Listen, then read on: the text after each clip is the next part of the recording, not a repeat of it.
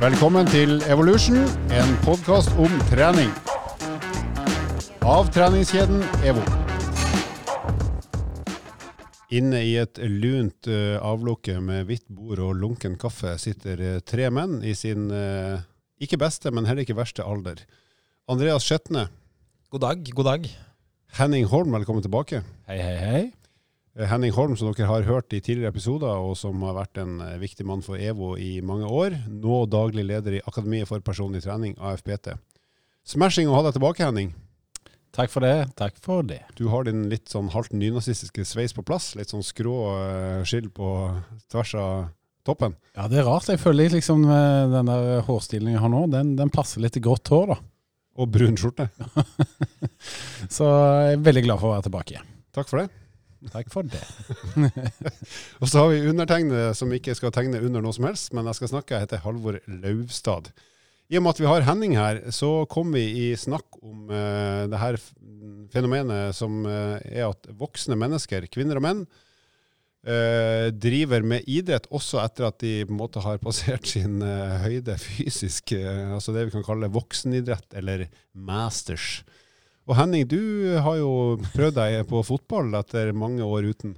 Du, vet du hva, det har jeg. På mandag så tok jeg turen ned på kunstgresset, som er jo da så moderne at det er oppvarma.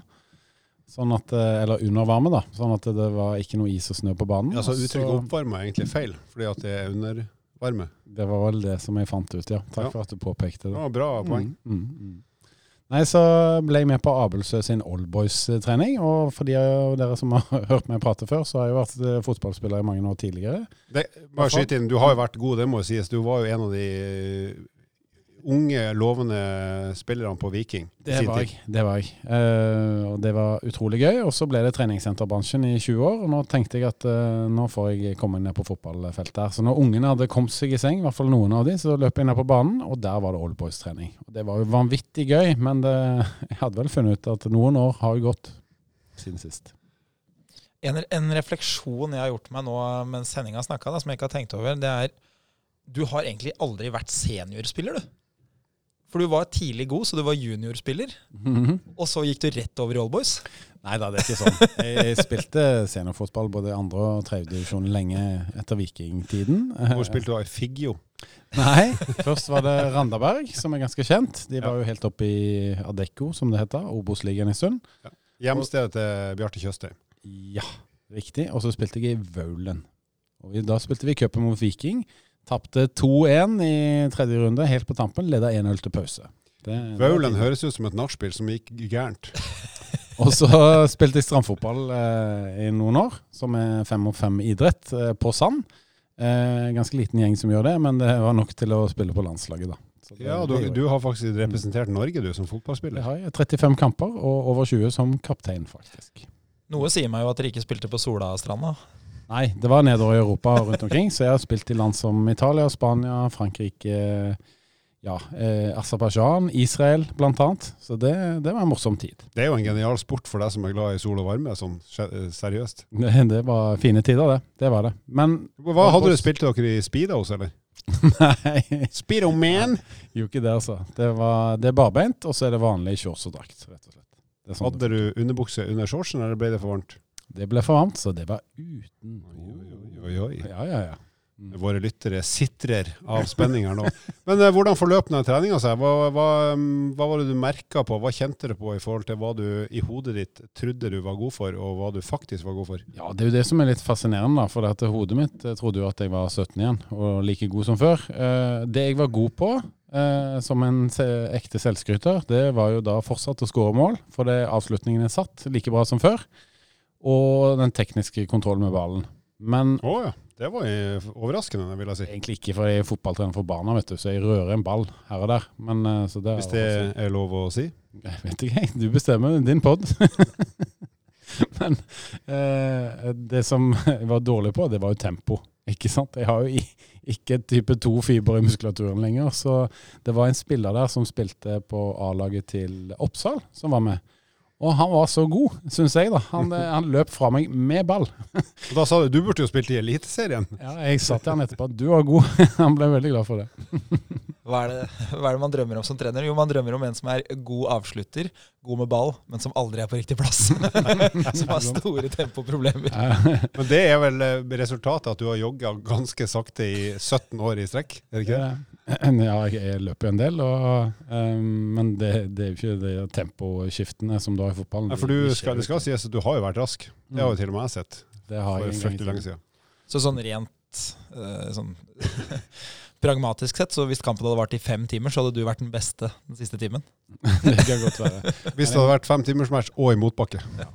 Det er en sånn rar følelse etter hvert, for at, uh, du er litt ivrig i starten, første halvtimen, og det går ganske greit. Og så etter hvert så begynner du å kjenne at uh, du har lyst, men kroppen henger liksom ikke med. da. Og det, det er nok en opplevelse som veldig mange kan kjenne seg igjen i når du kommer tilbake igjen på idrettsbanen. Eller hva, Halvor? Du har jo drevet med fotball, Jo da, jeg har eh, samme opplevelse, men jeg har holdt meg jo da til en gjeng som var like gammel som meg, og som der jeg var den som var best trent. Og det betyr ikke at jeg var i kjempegod form, men jeg var iallfall bedre enn de andre. Så da føler man jo at, at man er liksom på høyden fysisk òg. Helt til da det kommer inn et nytt kull som er da sånn 37-38, som da er raskere, sterkere, ikke sant. Og så skjønner du at å ja, jeg er jo ikke noe god likevel, selv ikke eh, blant de gamle, eller voksne.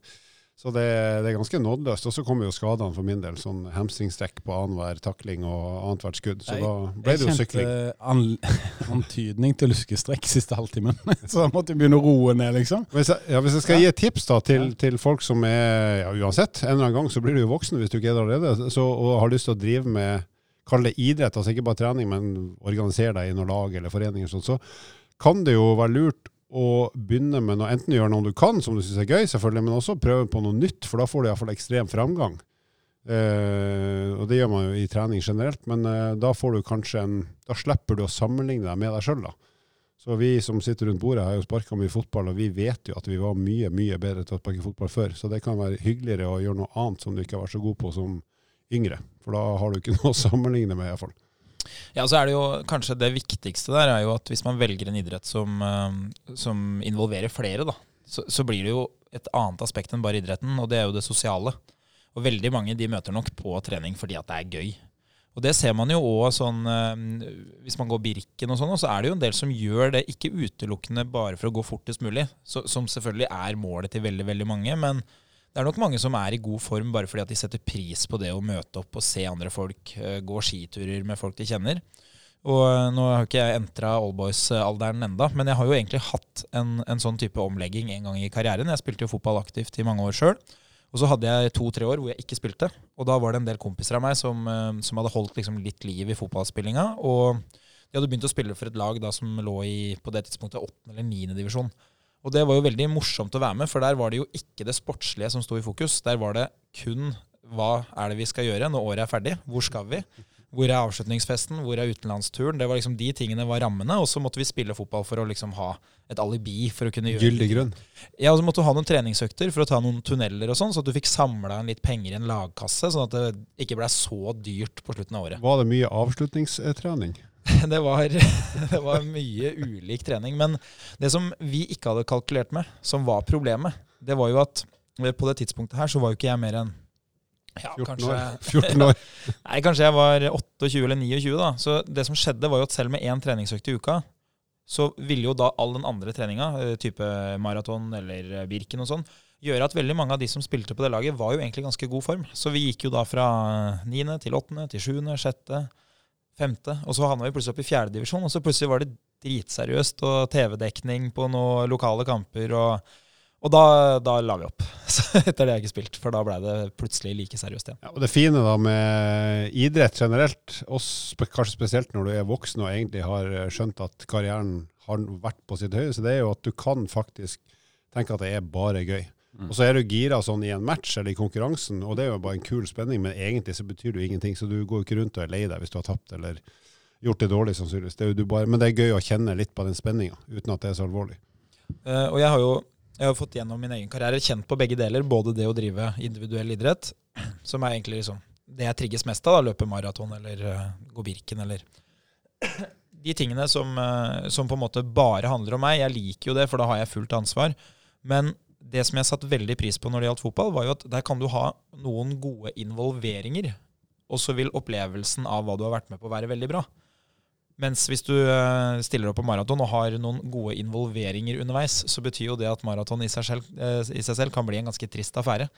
Så sånn sett så, så krever det jo veldig mye mindre involvering av deg når du driver med en type lagidrett eh, eller en eller annen idrett som ikke da liksom alltid skal måles på totalen, da, for det, det kan jo være ganske tøft. Så eh, det fins mange muligheter til å være fysisk aktiv uten at man må inn i toppidrettmodus igjen. Altså. Og tips hvis man ikke er i kanonform når man begynner, så kanskje velg en idrett der du har mulighet til å bytte både inn og ut, og få henta det inn igjen uten å bli helt kokt. Det er sant. Vi spilte jo fem kamper eh, med kort pause mellom. Eh, det tok jo 1 time og 20 minutter. Så det er jo ikke så rart at eh, beina var De er fortsatt støle, for å si det sånn. Hvor mange mål skåra du? Ti. Ja, det er to per match. Ble du toppskårer? Ja, Det gjorde jeg. MVP? Mm. Mange tap-ins. Litt Ronaldo-stil. ikke involvert i offside? Det sier jo bare noe om uh, hvor viktig dette er, da, når du kan dagen etter si hvor mange mål du skårte, og at du ble toppskårer på trening. Ja, Og så klarer han ikke å skjule smilet engang. Men uh, Andreas, du er invitert på trening mandag.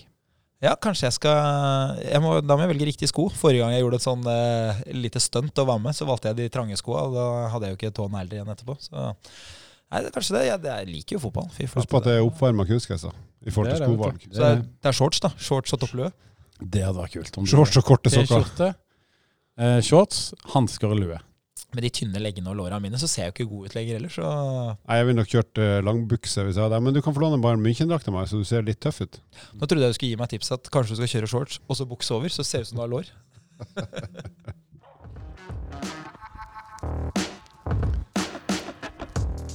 Det lakker og lir mot eh, julaften, nyttår, og etter nyttår kommer det et nytt år. Ho, ho, ho. Eh, og det skal vi snakke om. Vi skal snakke om eh, hvordan du kan få et ordentlig formløft i 2022. Og hvis du hører på denne podkasten i 2069, så gjelder det da de tipsene her da for hva skal til for å komme opp i god form i 2070. Hvordan form tenker du skal løftes? Usikker. Kakeform. Julekakeform.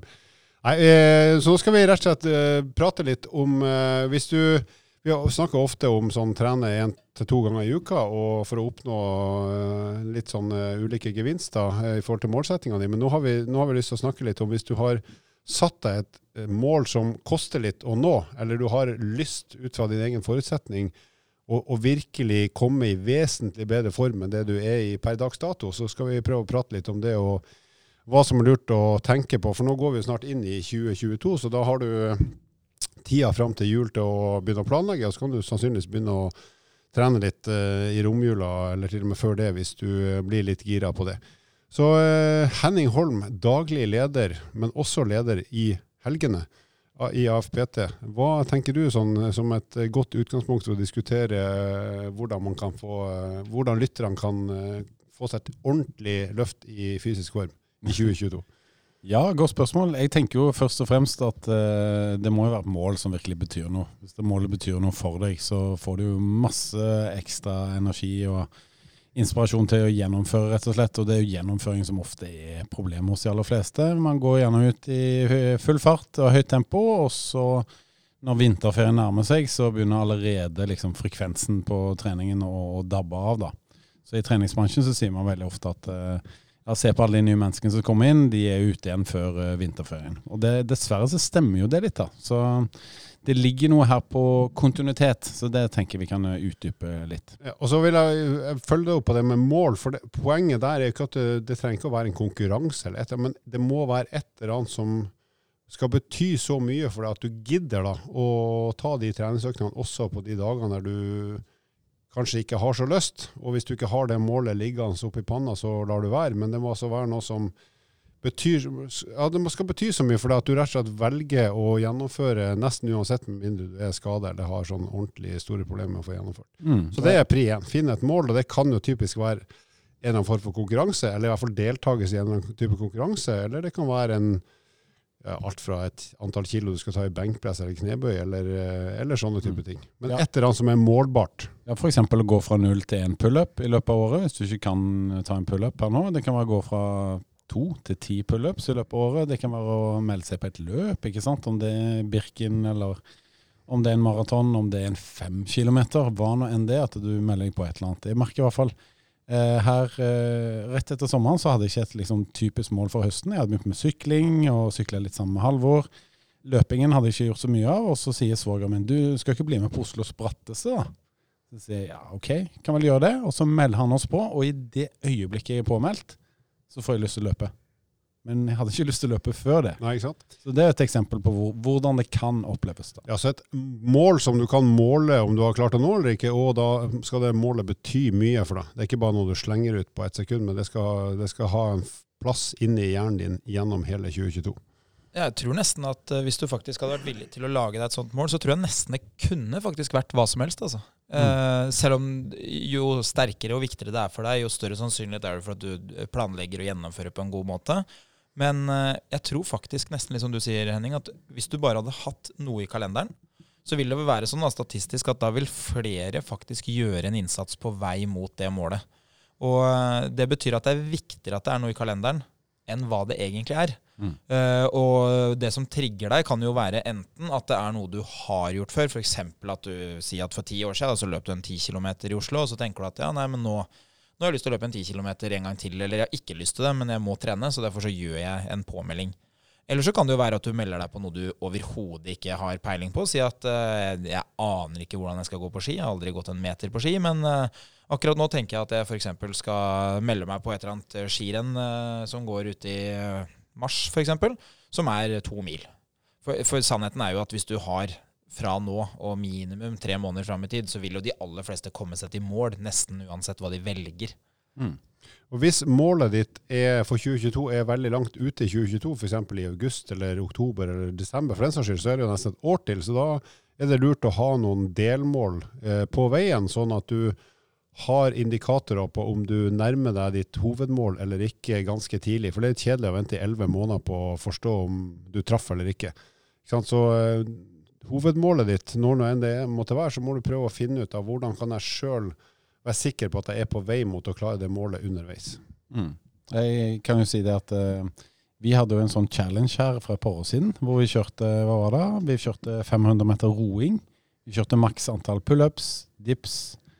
uh, Chips. Og vi hadde brystpress. Ja, stemmer. Og så hadde vi løping på slutten i motbakke. På 10 og 10? Nei, 12 og 12 var det. Mm. Eh, og det betyr 12 km i timen og 12 eh, prosent helling da, på mølla.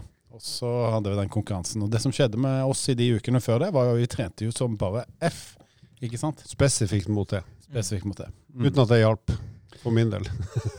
Men eh, det andre er jo liksom at du legger opp et løp som kanskje ikke er altfor tøft, men heller ikke for lett. Sånn at du klarer å gjennomføre det nok, da. Nok økter per uke. Altså Hvis du trener tre ganger i uka og klarer å gjennomføre det, så er det ikke vits å heller eh, tenke at det er én eller to ganger for lite, dersom du klarer å holde tre økter over tid.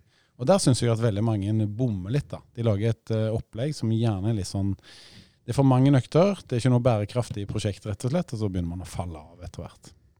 Så når målet er satt, og du har eventuelt også satt deg noen delmål som skal sikre at du vet at du er på den veien du skal, så må vi jo etter hvert begynne å tenke litt hvordan skal, her, hvordan skal vi gjennomføre? Hva skal vi tenke rundt selve gjennomføringa av den veien mot målet?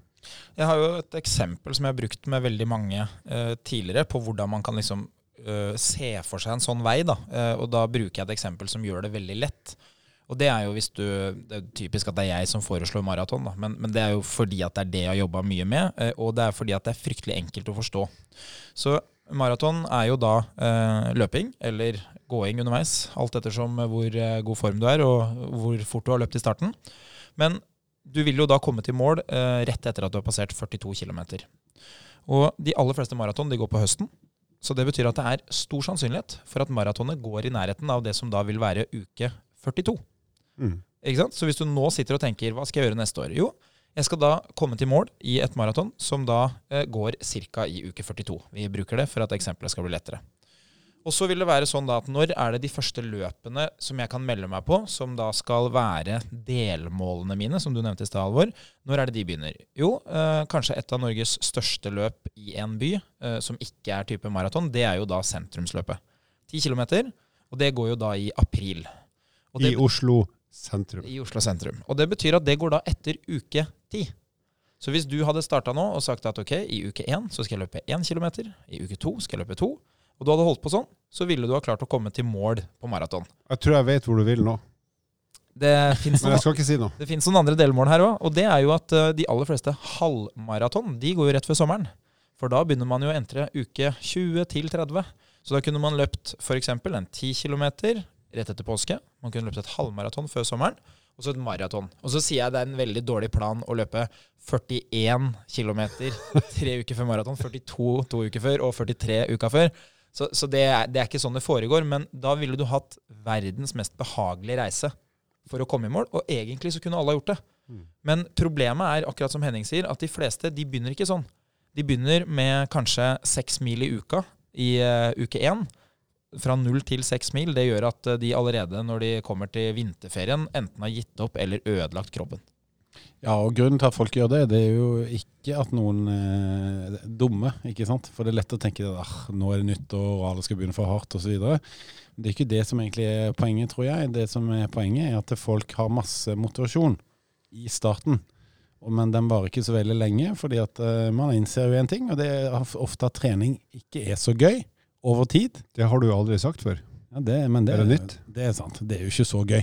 Det som er gøy, er jo mestringen du får fra å trene. Og fellesskapet med de andre. Men eh, det, det å ha, liksom, ha en litt mer sånn langvarig motivasjon i dette her. Og Ja, og der, men der er jo det du sa i stad. sant? Det antall ganger i uka du skal trene, eh, Mm. ta noe sørg for at det er realistisk. Yes. Så er det to ganger i uka eller tre ganger i uka, så hold det der. Så kan det hende at du av og til, ikke første uka, men i uke eh, 14, får til ei økt til. Men da er det noe som er unormalt mye, og ikke den nye normalen. yes. Og det som mange kunder sier til meg, at ja, jeg vil trene fem ganger i uka. Så sier jeg ja, men får du egentlig til det når du skal hente i barnehagen og jobbe og når livet skjer? Og så er det mange som sier ja, men hvor mange skal til? da? Så sier jeg da er det bedre at vi har tre. Og så lover du at du klarer å gjennomføre de tre, og du klarer det helt frem til sommeren hver eneste uke, til og med i påskeferien. Men helt ærlig, kunder som kommer til deg og sier at 'jeg vil se ut som deg, Henning', de må vel trene fem ganger i uka? Nei, det holder med tre. Men, eh, men det du egentlig sier òg, det er jo at de, de er jo ikke dumme, som du sier. ikke sant? Det er jo bare at de tror at mer er bedre. Mm. Og mer er jo egentlig bedre, men ikke når mer ikke blir gjennomført. Så det, det du egentlig sier, er jo at mest sannsynlig her så vil tre være veldig smart. Fordi det vil også være tre når vi entrer eh, våren, og ikke bare de neste to-tre ukene. Ja, men det er jo 150 økter på et år, da. Det er en del. Og så, eh, så da vi, har vi landa på en eh, treningsfrekvens som skal være gjennomførbar. Og så er spørsmålet hva skal vi fylle treninga med? Og da er jo det første punktet kanskje det viktigste, at det må jo være trening som er spesifikt nyttig mot det du har lyst til å oppnå. Så hvis det da er en halvmaraton eller maraton, så er det jo smart å løpe en del. Hvis du skal bli bedre til å sykle, så må du nødvendigvis sykle. Og skal du klare den ene pullupen, så må jo treninga være ganske spesifikk mot det for at du skal ha sjanse til å komme dit. Ja, og, Men en ting som jeg vil si, da, det er jo at de fleste tenker sånn Ja, hvordan trening skal jeg bruke? Og da pleier jeg å svare at alle bør, eller skal, eller må trene styrke og kondisjon. Altså Det trenger kroppen. Så uavhengig av hva det står i kalenderen, hva det står mellom øra, og hva som er målsettinga, så om du skal løpe, om du skal sykle, om du skal løfte mest mulig benkpress, alle bør trene både styrke og kondisjon.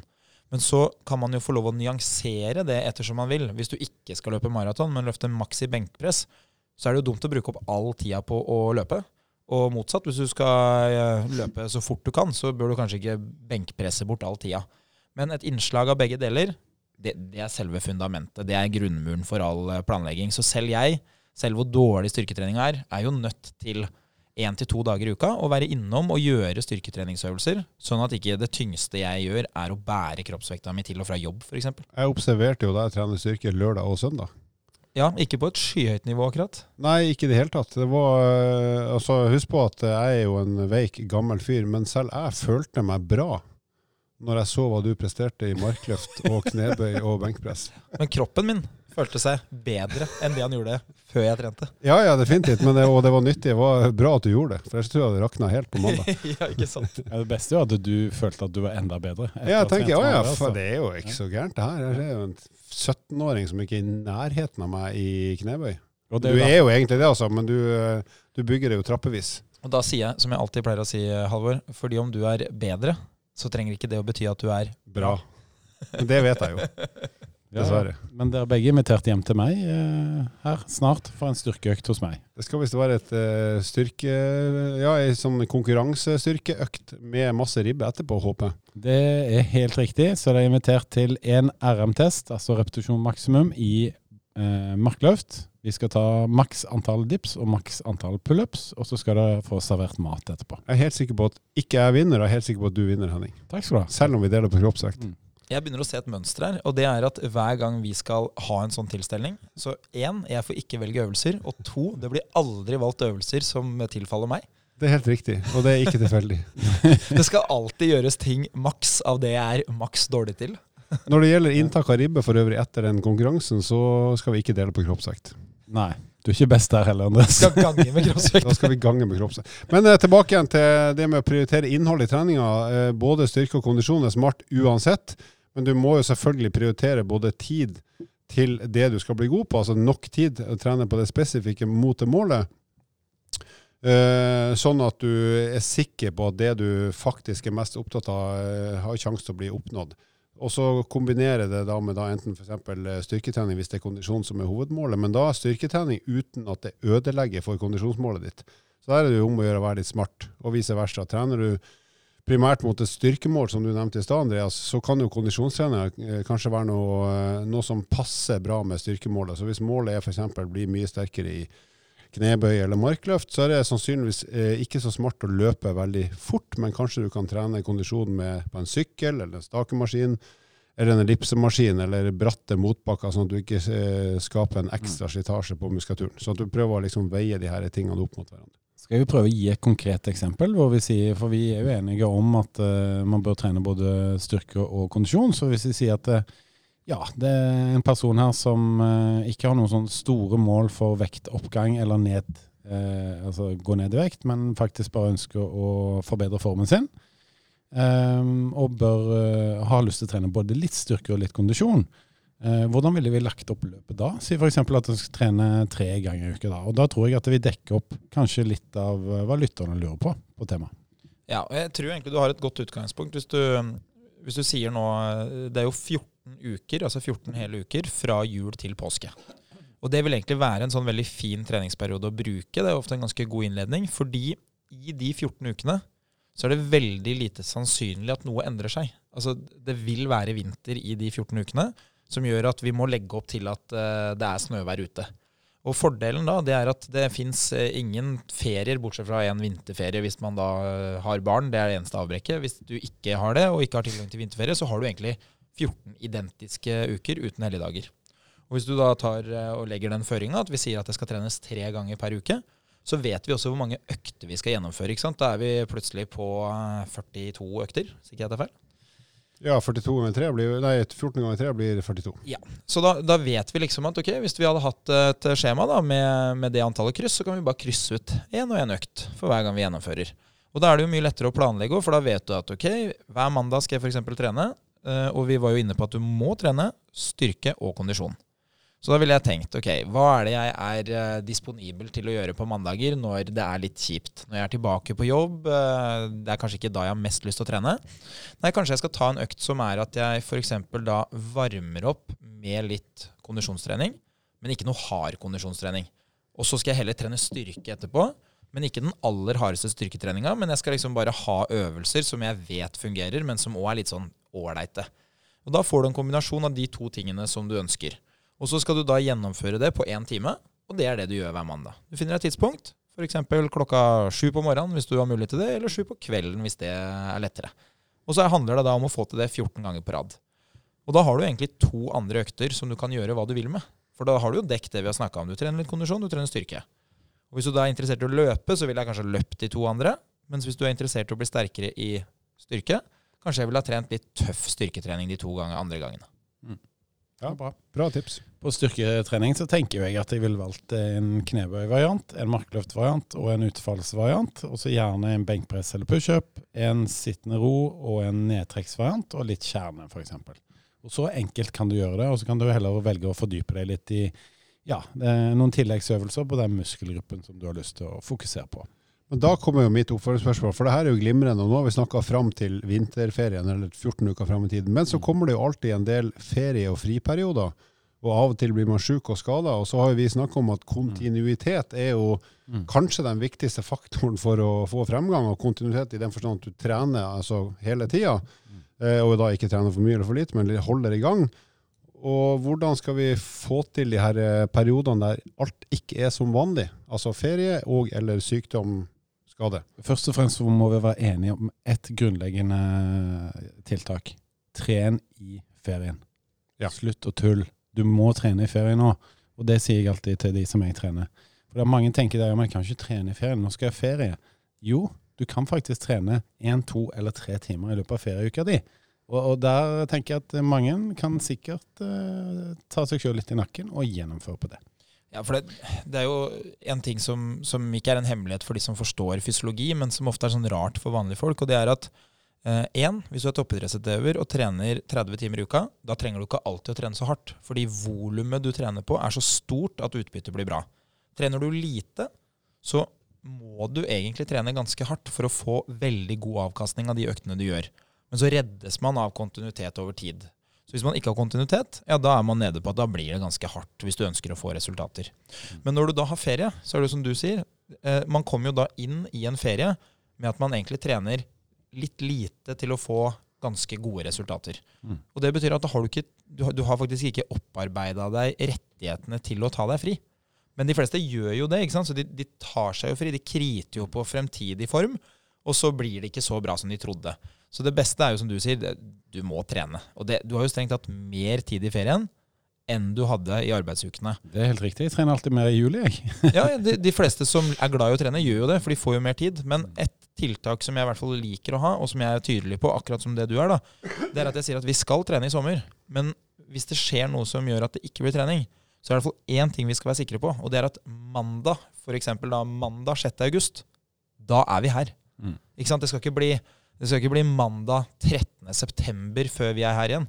Og det er nok kanskje mer i gjennomsnittet enn eh, de eh, fleste, da. Det er jo at det blir ikke bare ferien på tre uker, men det blir gjerne en sånn ekstra slumreferie på både fem og seks uker etter ferien.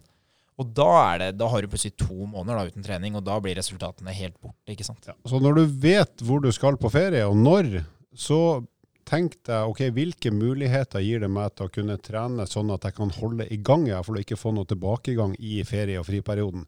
Så hvis du er på hytte i nærheten av sjøen, eller på fjellet, eller du drar til Spania, hvis det går an til sommeren, så forstå hva slags muligheter som finnes der, og så legger du en konkret plan på hvordan du skal bruke de mulighetene som er der. Så jeg kan jo si, når jeg, når jeg vet hvor vi skal på ferien, eh, så prøver jeg å se ok, har jeg mulighet for å sykle der. Hvis jeg ikke har det, ok, hvordan er løpemulighetene? Sånn at jeg har liksom en, Og så har jeg med meg noe småtteri av styrkeutstyr som gjør at jeg kan gjøre i hvert fall et minimum for å ikke ramle for mye ned i, i nivå i forhold til det jeg hadde inn i ferien. Ja, så worst case da, hvis du er på badeferie, ja, svøm tre ganger den uken der da. Ikke Men da er det sannsynligvis en strand der det går an å løpe og gjøre mye annet òg. Ikke sant. Jeg pleier å si til kundene mine når jeg, når jeg sier et forslag om ja, men dette kan du jo gjøre, det her er jo ganske enkelt. Du kan jo gå en tur, gå fort i motbakkene og gå normalt ellers. Og så kan du gjøre noen enkle styrkeøvelser som ikke krever utstyr. F.eks. at du kjører kanskje noen pushups mot et bord. Du kjører noen knebøy uten vekt, og så tar du noen sånne diagonalhev hvor du da strekker arm og bein samtidig. Og det de fleste svarer, da, og det er jo ikke fordi at de er dumme, nok en gang, det er jo bare fordi at kunnskapen ikke er der nok til å kunne gjøre det forklart for dem. Og det er jo det at de sier ja, men er det bra trening? Og da pleier jeg alltid å svare at eh, hvis du hadde vært i så god form at du ikke kunne trent akkurat der du står nå, så hadde du visst det.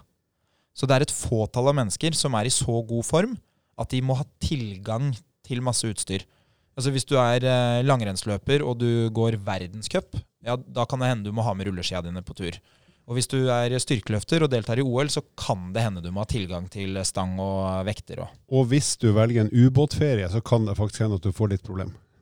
Hvert fall med løpinga. Det kan hende, men de som er da gode Men jeg tror faktisk at uh, flertallet av Norges befolkning kunne komme i bedre kondisjonsform i en ubåt.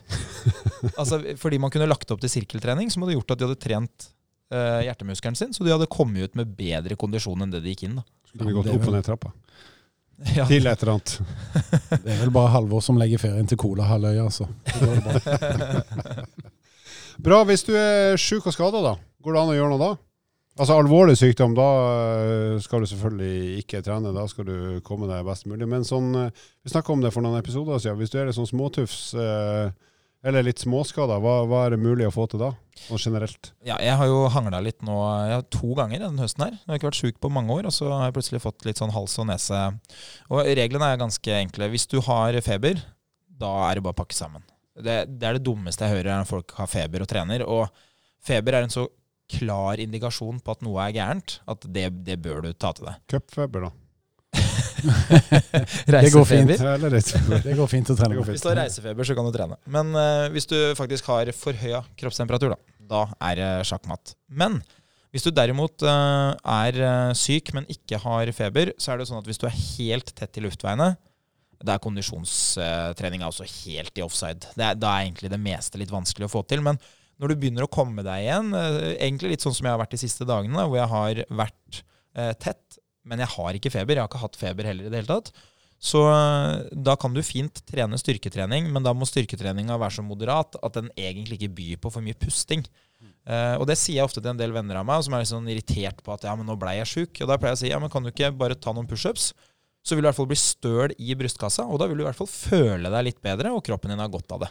Og det høres teit ut, men altså bare det å ha opplevelsen at jeg har gjort noe, uh, selv om du er litt småhanglete, er mye bedre enn å tenke at nei, jeg har ikke gjort noe i dag heller. Så uh, tren uten å bli sliten. Og hvis du er tett i luftveiene, så ikke tren. Men det å rusle seg en tur, få litt luft, er jo mye bedre for hodet ditt og for så fysiologien enn å sitte inne og hate livet sitt og vente på at uh, en ny dag med en ny mulighet skal komme. Så det er jo egentlig kondisjonstreninga som veldig ofte ryker, men styrketreninga kan egentlig få lov å stå igjen ganske lenge.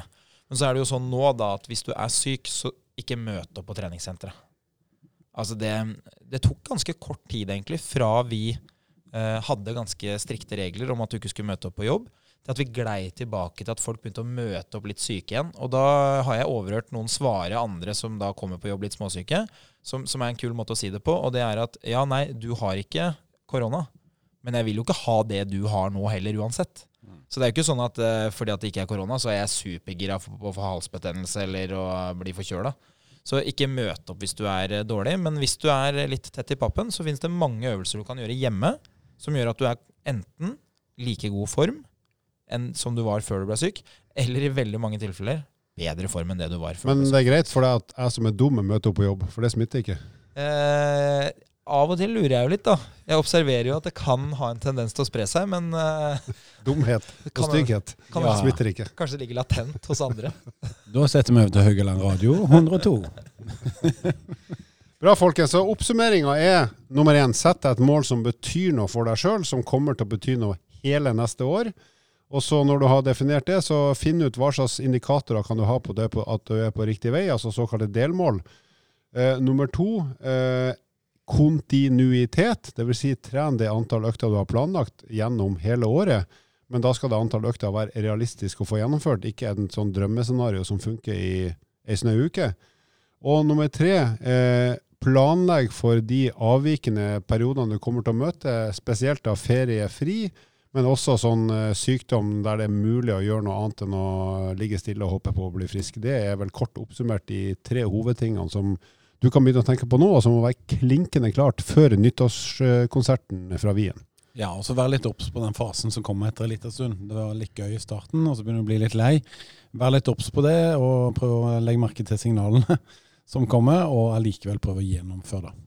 Ja, og det, der har jeg jo to ting å, å si, og det som du sier da, Henning, det, det er ikke gøy alltid. Altså det, hvis du tror at du skal få lov å leve et liv hvor trening alltid er gøy, så vil du bli så skuffa, for det, det kommer aldri til å være sånn. Det er ingen som trener mye, og som er i god form, som bare trener når de har det gøy. Og det andre er når det kommer til målsetning. Eh, en klassisk tanke, det er ja, det høres ut som en god idé, eh, det tenker jeg at jeg skal gjøre. Mitt tips der, og det har jeg brukt mye sjøl òg, det er bare, bare gjør det. Altså, hvis du tenker på nå at ja, men kanskje jeg skal melde meg på en 10 km, hvis du gjør det i dag, så blir det gjennomført. Hvis du tenker at det er en god plan, jeg skal gjøre det, så er det veldig stor sannsynlighet for at du neste år tenker den samme tanken. Så bare tør å trykke på gassen og, og gjennomføre det, liksom. For det blir ofte et veldig godt resultat. Altså. Ja, og så dagens enkleste tips til alle, det er prøv å sette noen faste tidspunkter. Og gjerne tren tidlig på dagen. Jeg tror jo det vil gi en veldig god følelse til de fleste hvis de hadde satt seg et fast tidspunkt, og så kunne telt opp ti uker på rad. Ikke sant? Ja, hver mandag ni, onsdag ni, fredag ni. Ferdig med det. Det er en prioritet, å gjennomføre på det. Bra, folkens. Da, eh, som sagt, gå i gang med planlegginga, men ikke tenk for lenge på det. Bare sett det ned på et papir eller på en skjerm, og så ta konsekvensen av det.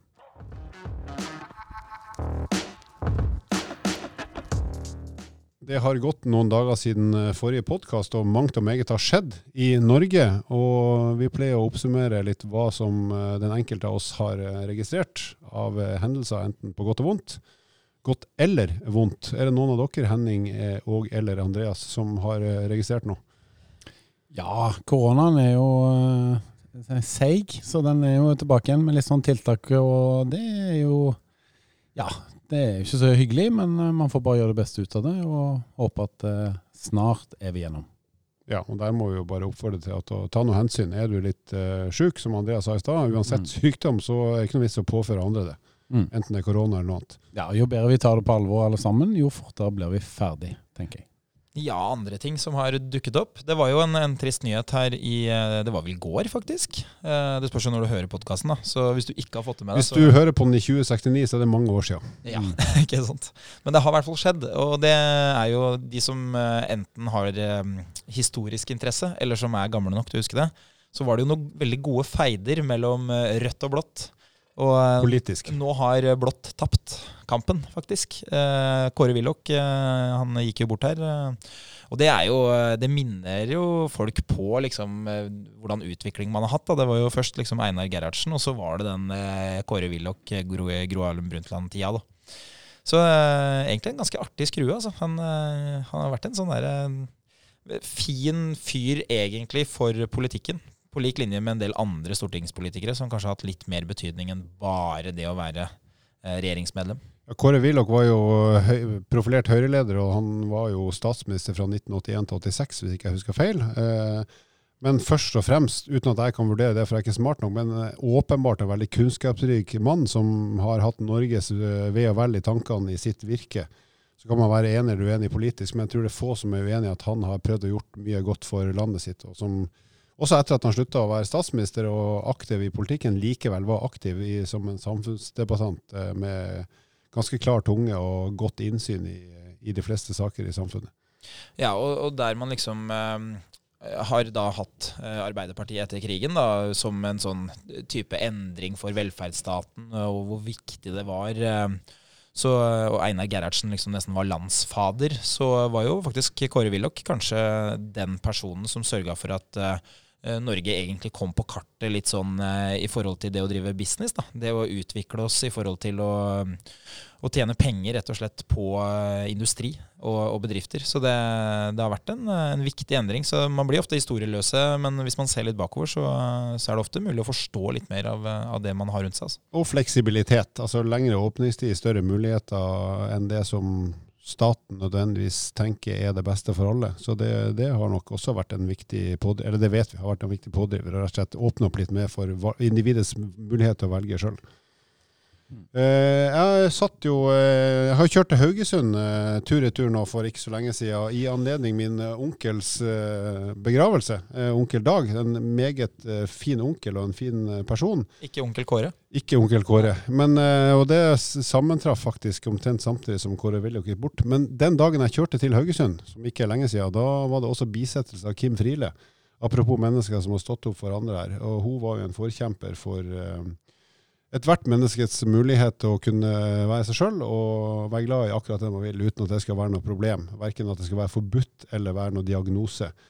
Så hun også eh, har jo gjort et inntrykk og betydd veldig mye for veldig mange. Eh, så det var litt vittig at, eller pussig at jeg satt rett og slett i bilen.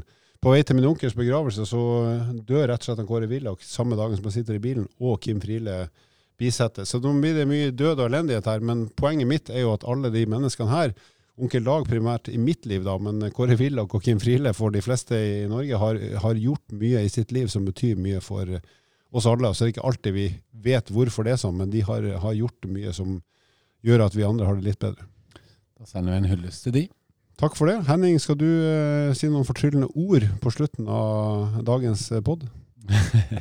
Jeg har vel lyst til å si til alle at eh, trening Har du, har du lukta på noen nye blomster siden sist? Nei, jeg har vel ikke det. Nei, jeg syns vel det at eh, det å ha en, eh, en god hverdag eh, og hvor man trives med det mennesket man rundt seg, har masse med treningene der og har mye å smile og være glad for, det, det tror jeg er fint å ha med seg i mente når du kommer med disse fine ordene om disse tre, tre menneskene som har betydd mye. Og før det blir for nedpå og trist og sørgelig og leit, så må vi jo bare si folkens, kom dere opp av sofaen, beveg dere, det er snart jul, så det er bare å gønne på. Takk for oss! Vil du vite mer om trening, abonner på podkasten og sjekk ut vårt treningsmagasin på evo.no.